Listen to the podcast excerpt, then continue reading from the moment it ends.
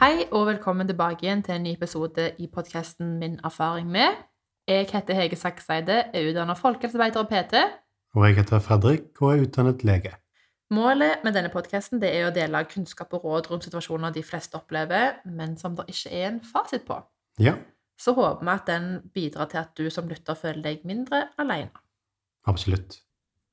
Så eh, kjenner du den følelsen som bygger seg opp når jeg sier eh, innlevering på studiet, en viktig jobbsamtale, jobbintervju, presentere foran klassen, um, ti kopper med kaffe, skrekkfilm, Body Kaplan. bade vann.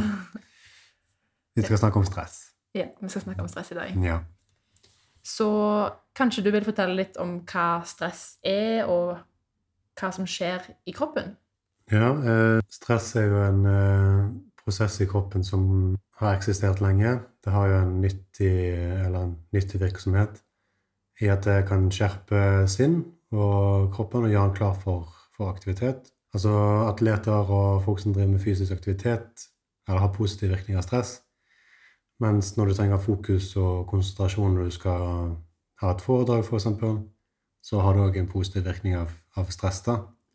Problemet er jo da når, denne, når dette stresset blir kontinuerlig. Mange av de som beskriver av, å lide av kronisk stress, de lider ofte av irritabilitet, at de kjenner seg engstelige ofte, sliten, ikke klarer å ha, dårligere hukommelse. Uh, Dårlig søvn? Dårlig søvn og kjenner mye på hjertebank og har høyt blodtrykk og slik, slike ting som det. Ensomhet òg, kanskje? Ensomhet òg, ja. ja. Og, og det predisponerer, altså det, det er linket til ting som depresjon og angst og sånne konkrete medisinske diagnoser da. Mm. Og noen forskninger òg linker det mot Alzheimers og utvikling av Alzheimers demens, da. Mm. Men eh, hva er det som skjer når vi blir stressa? Ja. Eh, Det som skjer med kroppen, da Du har jo et uh, fint samspill mellom flere sånne hormonsystemer i kroppen. Du har et hierarki. Mm. Det kalles HPA-aksen. Okay. Hypotalamus pituitary, adrenal axis. Wow. Ja. Så endepunktet er utskillelsen av kortisol og adrenalin og noradrenalin. da. Mm. Og mange av de effektene man ser som er negative av kronisk stress, er det man relaterer til effekten av kortisol over lengre tid. Blant annet så er det dette her berømte fryktsenteret vårt i hjernen, som heter amygdala. Ja. Den øker aktiviteten der, og eh, nerveforbindelsene. Så det forsterker responsen i amygdala. da. Så hvis man har mye stress over lang tid, så betyr det at man blir òg mer engstelig generelt, da? Ja, Fordi den kan si sånn. av hjernen er mer aktivert? Ja. Ja. Eller har en kraftig respons på videre stressende stimulus. også, Da. Ok. Ja. Og andre deler av eh, hjernen som blir nedregulert, sånn som hippocampus, som er viktig for, for læring, for hukommelse og for egentlig håndtering av stress, visstnok, Mm. den eh, svekkes. Okay. Samtidig som det også svekkes andre områder som er veldig viktige for personlighet og problemløsning, og sånn som den prefrontale cortex, eller prefrontallappen. Ja. Et finurlig hormon som har en veldig viktig rolle, men så, hvis du er kronisk eksponert for det, da, så kan det være nokså far- nokså egentlig, ja, man kan si farlig, eller i hvert fall veldig skadelig. Da. Og ting som kan føre til dette her, er jo konflikter som ikke løses opp i. Uh, mye stress på jobb, og følelsen av at man ikke har nok tid og ikke strekker til. ja. Studie. Ja, jeg tror mange kan kjenne seg igjen på denne type situasjoner, og det er jo en, en følelse som vi alle har kjent på. Mm. Og da blant annet meg, og blant annet deg, Ja. Hege. Så hva tenker du, vil du begynne å snakke om din eh, erfaring med stress? Det kan jeg. Jeg kommer ikke på så veldig mange minner om stress fra når jeg var yngre. Jeg føler at det sterkeste minnet jeg har, er egentlig fra sånn videregående, når jeg var på en storbytur med to venner. Og så skulle vi finne parkeringsplass i den byen vi skulle bo i, da. Eh, og så var det veldig vanskelig og kronglete å finne fram, og det ble en veldig stressende situasjon for personen som kjørte. Og da husker jeg veldig godt at jeg er helt omvendt. At jeg på en måte blir sånn eh, Dette går fint, og vi finner ut av det. Og blir sånn motvekt mot det stresset, da. Ja. Eh, og det føler jeg egentlig at jeg hadde med meg egentlig ja, kjempelenge. At jeg på en måte var veldig sånn avslappa og chill og tok ting som det kom. Eh, det tror jeg egentlig at de fleste rundt meg ville sagt at jeg gjorde. Ja. Men så kom det et skifte på slutten av studietida mi. Eh, fordi at det, sånn som jeg har nevnt før, så lagde jeg jo bedriften min og skrev bacheloroppgave på samtidig. Eh, og det ble bare for mye.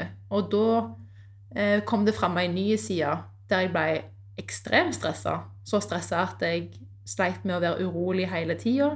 Fikk en del brystsmerter som ikke ga seg. Eh, og da tror jeg nok at det, små situasjoner som jeg tidligere hadde tenkt på som helt sånn chill, ble mye. At det, på en måte, terskelen for at ting ble for mye, var mye lavere da. Ja. Eh, så føler jeg at det tok en stund før jeg på en måte klarte å vende det litt tilbake igjen. Men jeg føler at jeg fremdeles kan bli lett stressa. Jeg vet ikke, hva, Hvordan føler du at jeg er nå? Eh, jeg tror kanskje du stresser litt mer enn meg Ja. på sånn dagligdagse ting. da. Mm. Og så stresser jeg nok mm, kanskje mer på jobb da, når Ja. jeg er på jobb. Mm. At jeg styrer min stressing der, og så når jeg kommer hjem, så har jeg egentlig sagt at jeg ikke vil stresse mer. ja, du kobler mer av. Ja, jeg tror det. Du er flinkere på å koble av og på, mens jeg er kanskje litt mer sånn på hele tida. Ja, det tror jeg at du er litt med på hele tiden. Mm. Hva, hva var det som var så overveldende? Hva, hvor tror du det kom fra, dette stresset med å starte en ny bedrift? Det litt dumt spørsmål, for det, men jeg bare prøver å få deg til å reflektere litt over. Ja, jeg tror nok at det definitivt er det at det, det betydde så mye. Sånn at jeg vet at eh, altså sånn studie og sånn tidligere, og alle jobbene jeg har hatt, har på en måte ikke hatt så høy verdi. Sånn, mm. Jeg vil jo selvfølgelig prøve å gjøre det bra eller greit, men det var ikke så nøye hvor bra jeg presterte. Sånn at det med å prestere godt hadde egentlig ikke en så veldig stor betydning. Men plutselig så skulle jeg lage en egen bedrift med navnet mitt på. Ja, Eh, og noe som jeg skulle på en måte Jeg hadde veldig lyst til å få til det. da. Og det var kanskje litt sånn at jeg ville bevise det både for meg sjøl og for andre at det ble bra. Så det sto på en måte mer på spill. Og det at jeg ville satse på en egen bedrift istedenfor å ha en vanlig jobb. Altså sånn, ja, Det var på en måte mye mer på spill, og da ble det et ganske stort stress. I tillegg til selvfølgelig det med å lære seg alle de tingene som er involvert i å lage en bedrift. da. ja. Så det var Det var på en måte bare mye Litt eh, uoverkommelig en periode da. Ja. Ja, Og så ble det plutselig veldig lange arbeidsdager. For jeg, som nevnt, så skrev jeg jo bacheloren samtidig. ja, Mm, så det var jo kanskje ikke en sånn kjempegod løsning, men det ble et aktuelt eh, alternativ fordi at da eh, Hvis jeg lagde bedriften mens jeg fremdeles var student, så kunne jeg få litt sånn studieordninger som kunne støtte meg i den prosessen i forhold til sånn litt kontorplasser, litt eh, veiledning fra andre. Ja. Eh, så det var på en måte noe jeg hadde veldig lyst til å gjøre. Eh, og jeg hadde nok sikkert gjort det igjen. ja. Men eh, sett i ettertid så var det jo ikke så veldig bra. Og det endte jo med at jeg som nevnt da ble veldig stressa, og jeg fikk en del sånne eh, breakdowns. ja vet ikke hva det det, heter på norsk. ja. At jeg husker jeg har, Sammenbrudd. Sammenbrudd. Ja, sammenbrudd er det. Jeg husker eksempel at jeg var på en forelesning, og så eh, hadde jeg så sykt eh, høy puls og stress i kroppen mens jeg så på den forelesningen. Jeg klarte ikke å fokusere på det som skjedde i forelesningen, fordi tankene mine var på tusen ting som jeg skulle få gjort. At når vi fikk en liten pause midt i forelesningen, så husker jeg at jeg gikk ut og satte meg på en sånn stein, sånn litt avsides, og så holdt jeg på nesten å grine, for jeg hyperventilerte så mye at jeg var så stressa. Og ikke, altså, jeg, jeg skalv på hendene, fordi det, det, var, det var så mye stress i kroppen. Eh, veldig sånn rar episode, husker jeg. Der var sånn Hva er det som skjer? Det her Mm. er jo ikke bra. Nei. Mm. Da var det mye sånn katastrofetenkning at uh, Ja, sånn At dette går ikke, jeg får det ikke til, eller og hvis ikke dette her går, så bare kommer ingenting til å gå. Ja, ja det er veldig sånn Ja. Ja, Mm, ofte. ja. Ja. Var det noe du gjorde som, som hjalp på stresset? Følte du at du fant noen løsning på det der og da? Du er ikke så stresset akkurat nå. Nei, nå er det mye bedre. Altså mye bedre enn det det var i, det, i den perioden der. Ja, Eh, det som har hjulpet meg mest, er jo selvfølgelig å eh, redusere arbeidsoppgaver. Sånn, altså sånn Før, i en periode, så hadde jeg ikke helg. Jeg jobbet fredag, lørdag, søndag. Eh, og jeg jobbet gjerne mye mer enn åtte timer. Eh, sånn at det, det ble jo ikke nok tid til å hvile. Og da var det fordi at jeg trodde at det var som det var å være en entreprenør. At det, det er fordi at du hører veldig mye sånn folk som er eh, har bedrifter, da. Mm. Kanskje ikke i Norge, men andre land. At de er sånn Ja, du jobber tolvtimersdager, og du har én fridag i måneden, og det er sånn det er på en måte. Det, det er ensomt i toppen. Ja, det, du ser jo mye sånn på Instagram òg. Sånn det er Ja. 5 AM Club, du skal våkne klokken fem og begynne å jobbe og være foran alle andre. Ja. Jobbe mer enn alle andre. Mm. Grind, grind, grind. ja. Sånn Så jeg følte kanskje et press på at eh, hvis jeg ikke gjorde det, så gjorde, så gjorde jeg ikke nok. Nei. Så at det var en sånn usunn tankegang i akkurat det. Så å legge fra meg det, og heller tenke at ja, men herregud, jeg skal jo leve òg. Jeg må jo ha vanlige arbeidsdager, ha frihelg, ta meg ferie. Ja. Eh, De tingene der har jo vært den største hjelpen. Mm. For det, da, da får jeg tid til å koble av. Ja. Eh, Men så hmm, Noe mer som har hjulpet? Jeg føler jo at det hjelper hvis jeg klarer å være bevisst på pusten. Ja. Eh, meditasjon er jo egentlig et kjempegodt verktøy som jeg skulle ønske at jeg gjorde litt mer, men som jeg syns er litt vanskelig. Ja, det, det er veldig vanskelig i starten. Ja. Mm. Eh, men så hjelper det òg å trene. Ja. Det føler jeg hjelper. Eh, legge vekk mobilen. og det hjelper veldig. Ta sånn skjermfri tid Ja. der jeg ikke blir stimulert av mobilen. Men det òg er vanskelig, for jeg er jo avhengig av mobilen. ja. Føler jeg i hvert fall. Nei, jeg er det. Jeg. Ja. Eh, det hjelper å gå tur Absolutt. i skogen. Mhm. Men vi kan kanskje komme litt mer tilbake til dette i spørsmålene, tror jeg. Ja, absolutt. Eh, ja, det var egentlig kort og greit min erfaring. Ja. Vil du fortelle, fortelle din, Fredrik? Jo, absolutt. Min egen erfaring med, med stress da, det begynte jo egentlig med studier for min del òg. Um, og det er jo litt det jeg har pratet om før, om at det var det, det jaget hele tiden om å skulle vise at jeg fortjente å være der jeg var da, på, Mm. på det studiet.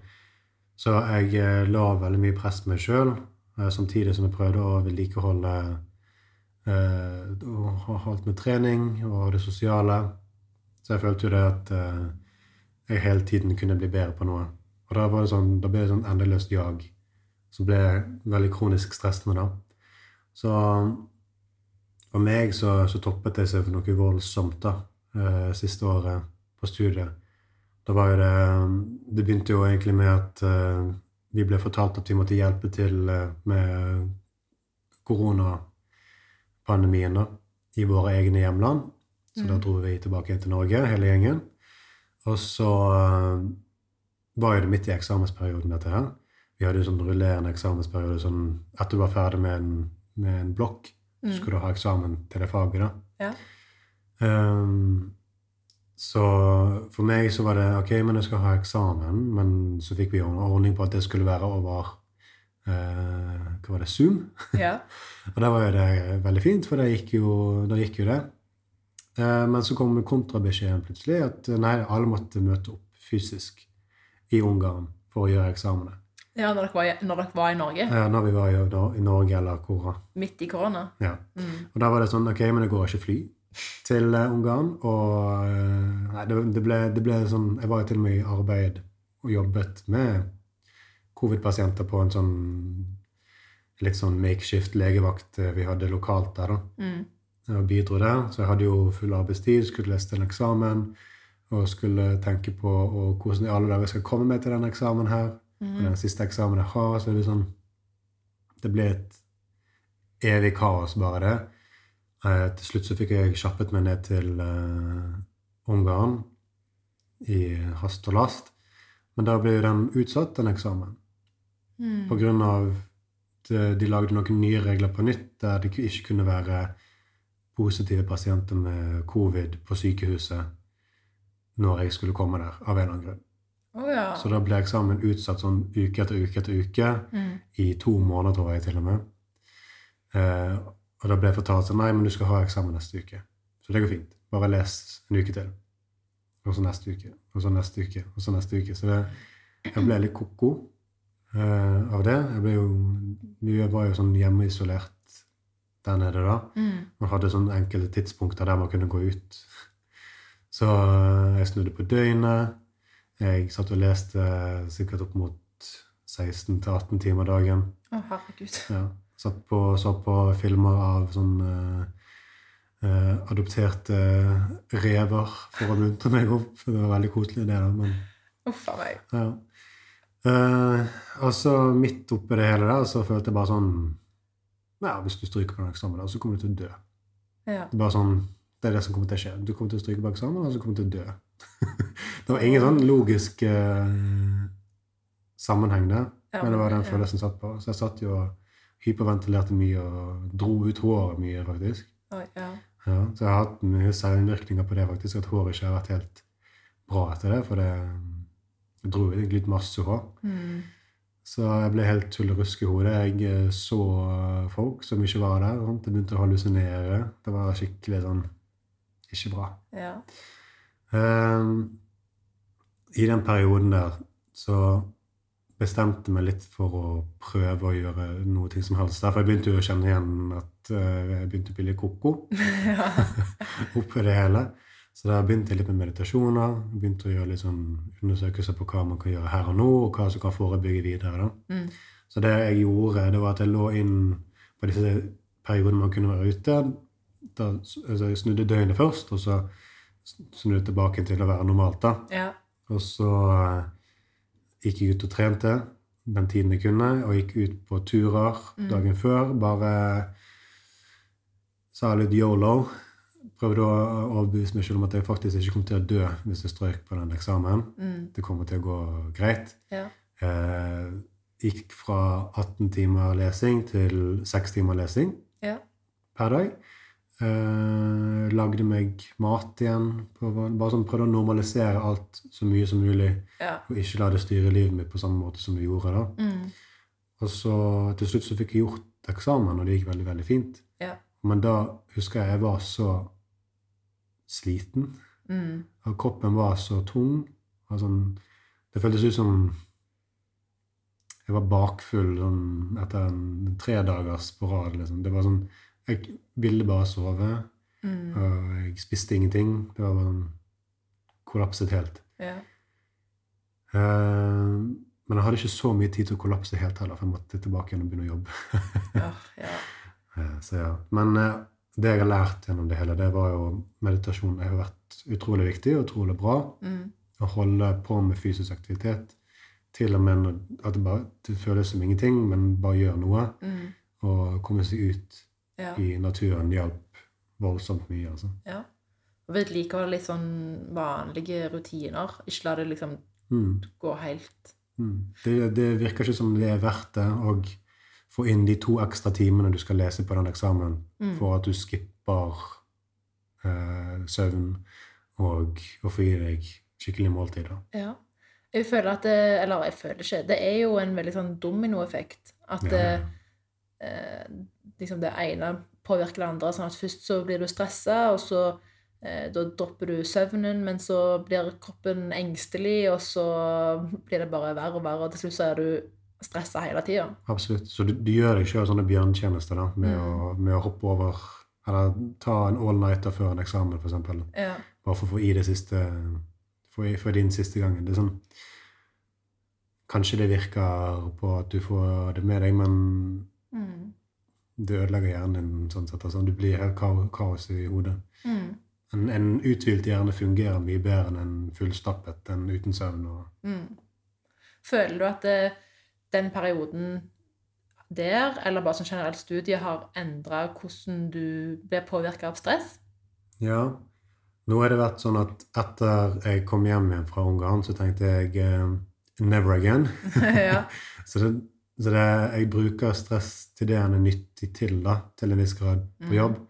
Der jeg får fokus og klarer å yte eh, mitt beste. Mm.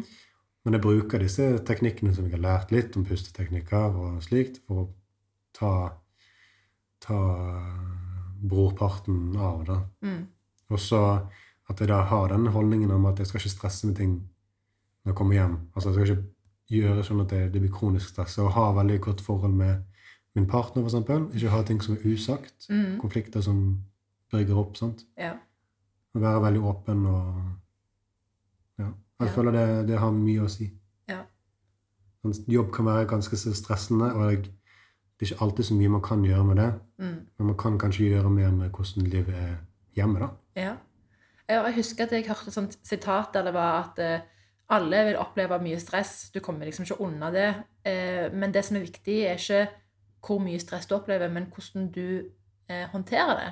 Absolutt. Eller hvordan du oppfatter det. Mm. Sånn at hvis du oppfatter stress som uoverkommelig, og du blir helt sånn Du blir redd og eh, tenker at dette kommer aldri til å gå, så vil kroppen din respondere derav. Absolutt. Men hvis du derimot tenker at eh, ja, men dette her fikser jeg, Mm. dette kan jeg, så vil kroppen òg være mye mer rolig og kontrollert, og ikke ha så mye stress, da.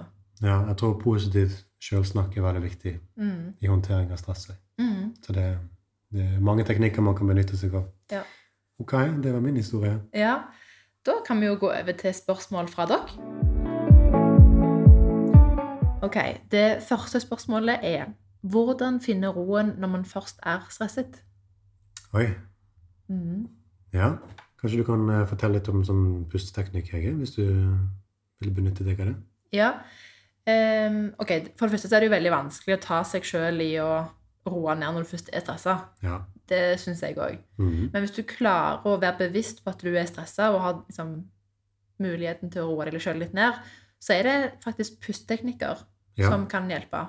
Ja. Fordi at det der er bevist at uh, måten du puster på, har en umiddelbar effekt på Har en umiddelbar effekt på hjertet. Demonstrerte Lucy det? Kort forklart. Når du puster inn, så vil det bli sendt signaler til hjernen om at hjertet må slå raskere. Mhm. Mens når du puster ut, så blir det sendt signaler om at hjertet må slå saktere. Riktig. Så hvis du er stressa og puster veldig raskt, så vil òg hjertet slå raskere. Ja, absolutt. Men når du klarer å roe ned, så vil det roe ned hjertet. Mm. Men det er òg noe å si i forhold til hvor lang tid du bruker på innpust mot utpust. Så hvis du f.eks. klarer å puste inn kortere enn du puster ut, at du bruker lengre tid på å puste ut, Riktig. Ja. så vil det hjelpe hjertet med å roe ned. ja. Og så er det en annen teknikk òg. Jeg vet ikke om dere kjenner dere igjen, men hvis du f.eks. har grener, så merker du til hvert at eh, når det er på vei til å roe seg ned igjen, så gjør det litt sånn Åh, Ja, Ja, den der. Eh, og det er en respons som har veldig god effekt på å roe ned hjertet. Ja, det virker sånn, ja. Mm. Mhm. Så hvis du er veldig stressa, så kan det hjelpe å ta to raske pust inn. Litt sånn. mm. Og så puster du ut. Helt ut. Helt ut, ja. Mm, At Så man kan gjøre det bare én, to eller tre ganger, faktisk. Repetere det, ja. Mm. Det har best effekt hvis du gjør det med nesen. Men mm. altså, hvis du puster inn munnen, så går det bra, det òg. Men eh, det er faktisk to pusteteknikker som har god effekt. Absolutt. Og så er det jo en sånn annen òg som jeg liker veldig godt, som er sånn du puster inn på fire, mm. holder fire, puster ut fire, holder fire. Den er noe veldig fin. Har du noe der? Jeg tror òg en måte disse pusteteknikkene her funker på, Mm. det er det at du får fokusert på pusten din. Mm. Og det er jo det, det er veldig fint, for da trekker du tankene dine vekk fra akkurat den stressende situasjonen. Da. At Ja. du får litt tid for deg sjøl òg, der du fokuserer på pusten. Så du får en liten pause, som jeg tror også er veldig viktig. Ikke bare selve pusteteknikken, men den pausen du får.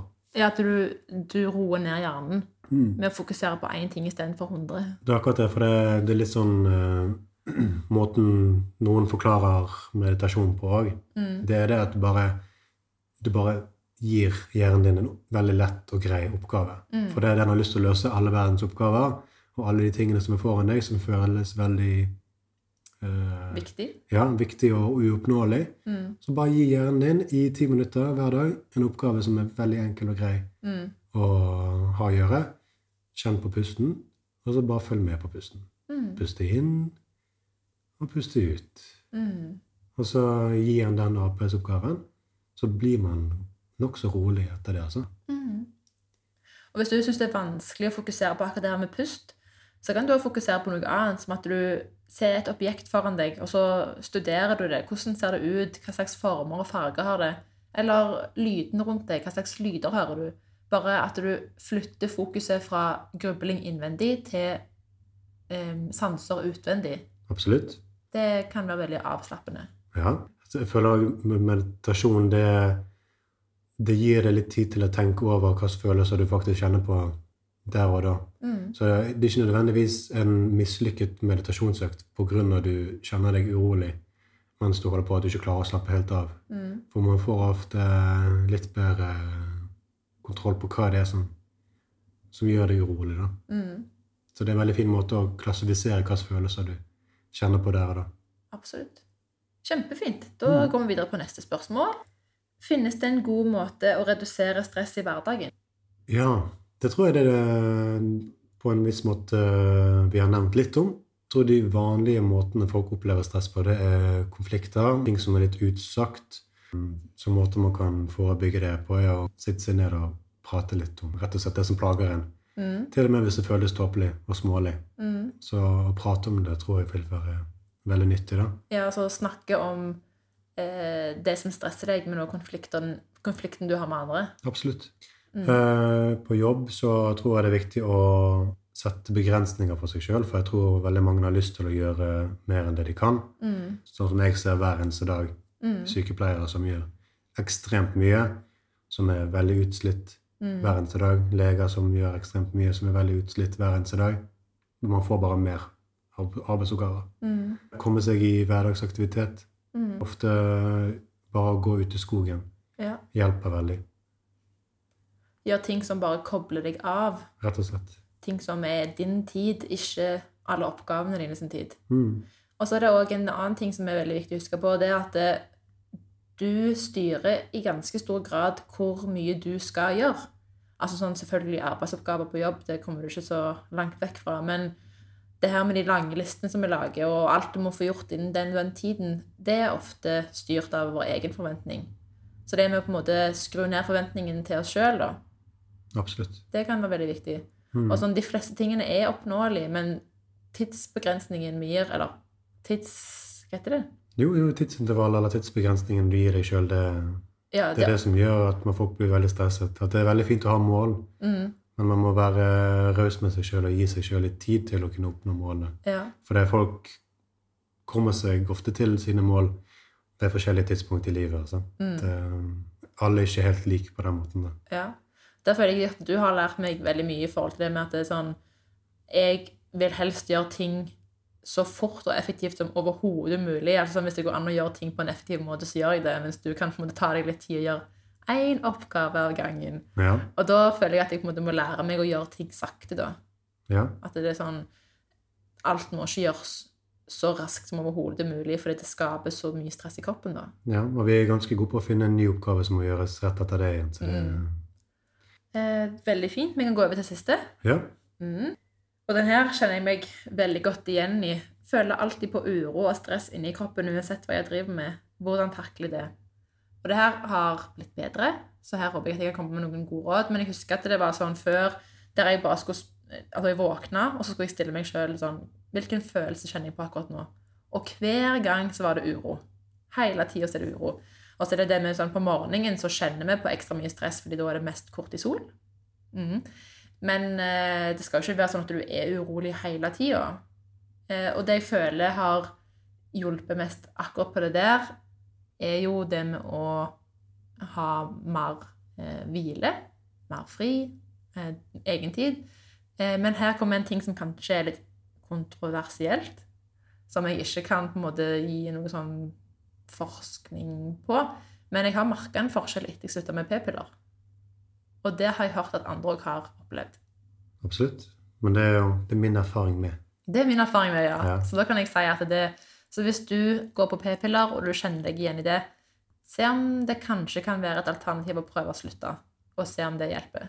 Mm. For det kan være at de skaper uro i kroppen. Altså stress i kroppen. Ja.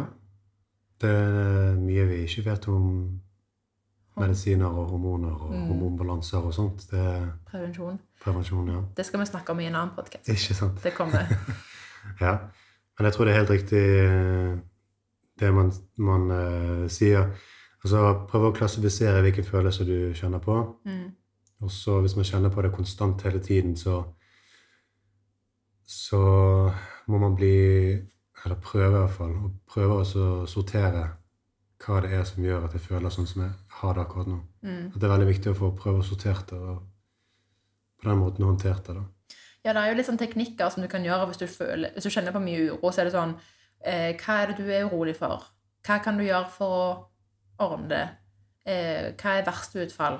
Ja. Eh, hva er beste utfall? For da vil du på en måte lettere se at det er de Eller den uro du kjenner på, ofte kan være litt urealistisk. Mm. For det er sånn verste utfall sånn, Ja, er det sannsynlig at det skjer? Nei, det er jo ikke det. Altså sånn at vi ofte har unødvendig mye uro i kroppen, da. ja, vi tenker veldig mye på um, verst tenkelige Mm. utfall. Det var alle spørsmålene for denne gang. Og så skal vi jo selvfølgelig runde av med litt sånn oppsummering av dagens episode. Ja. Vil du gjøre det? Nei, du kan få lov til å gjøre det. ok. Så jeg vil kort oppsummert si at det, det viktigste er at du reduserer alle gjøremålene du har lagt for deg sjøl, og prøver heller å gi deg sjøl mer tid til å koble av. Og de tingene som har god effekt på stress da, er bl.a. å være i fysisk aktivitet, gjerne ute i naturen, meditasjon, eh, å være sosial med andre, Ja, ja, det hjelper veldig. Mm, kommunikasjon. Gjør noe som du trives med. Gjerne uten skjerm. Noe der du føler at du får litt sånn zen. Zen. Zen. Mm. Mm. Det var alt vi hadde for i dag. Jeg vil bare si tusen takk for at du ville lytte, og håper at denne episoden var til hjelp. Og utenom det så håper jeg at du får en fortsatt veldig fin dag, og så snakkes vi neste tirsdag. Namaste. Snakkes neste tirsdag. Ha det godt! Ha det godt. Ja.